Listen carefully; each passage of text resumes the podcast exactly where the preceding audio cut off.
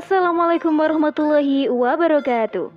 Hai sobat, balik lagi di podcast Narasi Pos Media. Kali ini bersama saya Dewi Fitriana dalam rubrik Story CR dengan tema Rindu Setengah Mati oleh Ayah Ummu Najwa.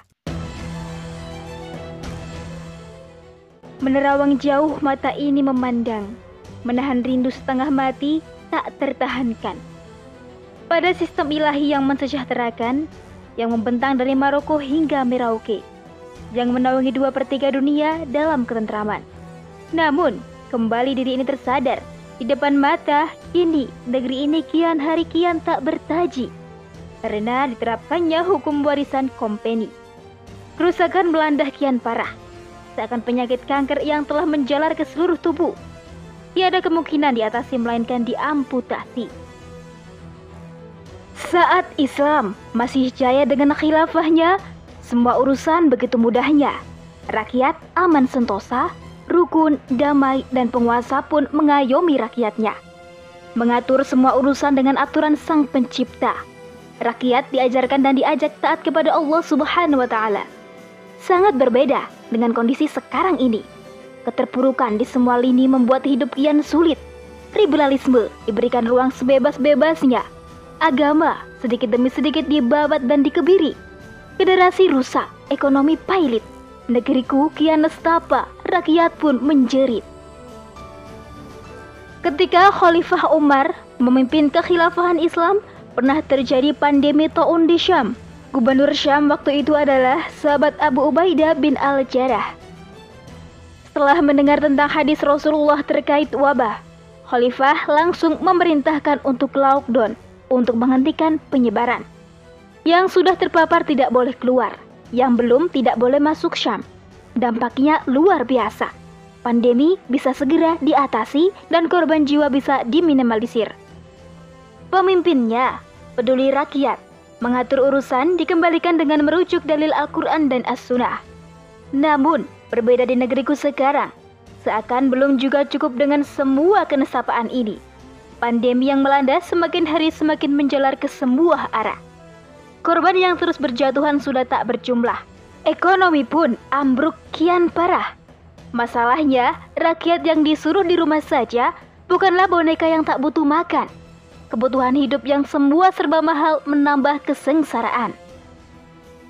Ini semua karena pemerintah seolah tak serius melihat masalah. Ketika pandemi ini masih dicegah, para penyelenggara negara malah banyak mengeluarkan kelakar.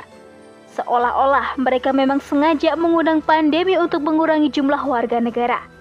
Dari promo wisata, polemik insentif nakes yang mandek, juga vaksin yang berbayar, pajak sembako, menteri yang tak berempati.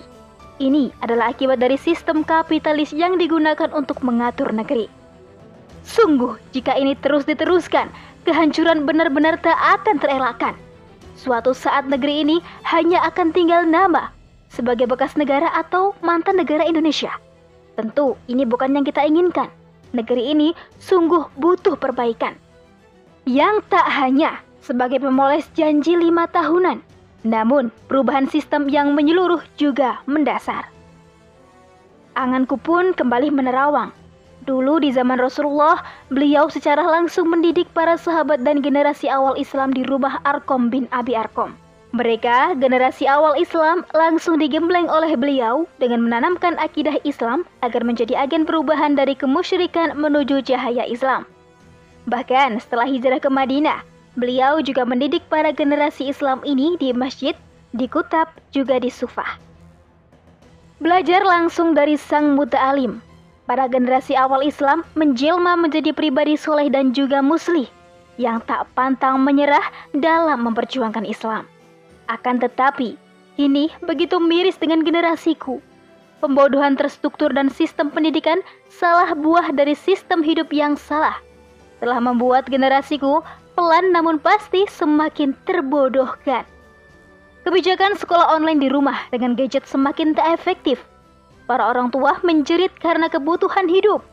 Sekarang ditambah mahal kuota agar HP bisa hidup. Maka banyak anak-anak yang malas mengikuti sekolah online. lebih baik putus sekolah demi suap nasi. Sungguh ini sebuah ironi. Dulu, ketika Islam memimpin dunia dengan segala kehebatannya, kaum muslimah begitu terjaga dan dimuliakan. Pernah ada seorang muslimah yang berbelanja di pasar Yahudi Koinuko dan kain hijabnya diikatkan oleh orang Yahudi hingga ketika muslimah ini berdiri tersingkaplah auratnya. Kemudian ia menjerit minta tolong. Ketika sahabat yang ada di pasar tersebut mengetahui hal itu, ia langsung membunuh orang Yahudi tersebut Walaupun akhirnya sahabat tadi dikeroyok oleh Yahudi Koinuko dan syahid. Dan sampailah berita itu kepada Rasulullah. Maka beliau Shallallahu Alaihi Wasallam langsung memerintahkan pengepungan terhadap kampung Yahudi Koinuko selama 15 hari dan mereka pun terusir dari Madinah.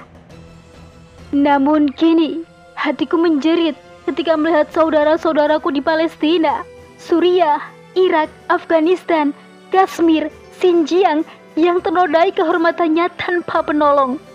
Pasukan kaum muslimin kini hanya terpaku dan membatu. Bahkan, beku tak mau tahu. Bahkan banyak saudariku muslimah yang dilarang berhijab atau bahkan disesatkan agar jangan mau berhijab. Sungguh ketika Islam tidak diterapkan, muslimah banyak menjadi korban dan dijauhkan dari agamanya. Betapa rindu ini setengah mati, merindunya seakan tak ada habisnya. Mendamba berjumpa lagi dengannya, berharap dapat mengenyam kehebatannya, dapat merasakan kemuliaan dan kesejahteraannya. Dialah sistem Islam, sistem agung dari Sang Maha Agung, sistem yang berasal dari pencipta manusia yang berfungsi mengatur semua urusan manusia. Ia tak hanya memuliakan manusia, namun bumi beserta isinya pun sentosa karenanya. Ia ada untuk mendorong manusia menjadi lebih baik di hadapan robnya.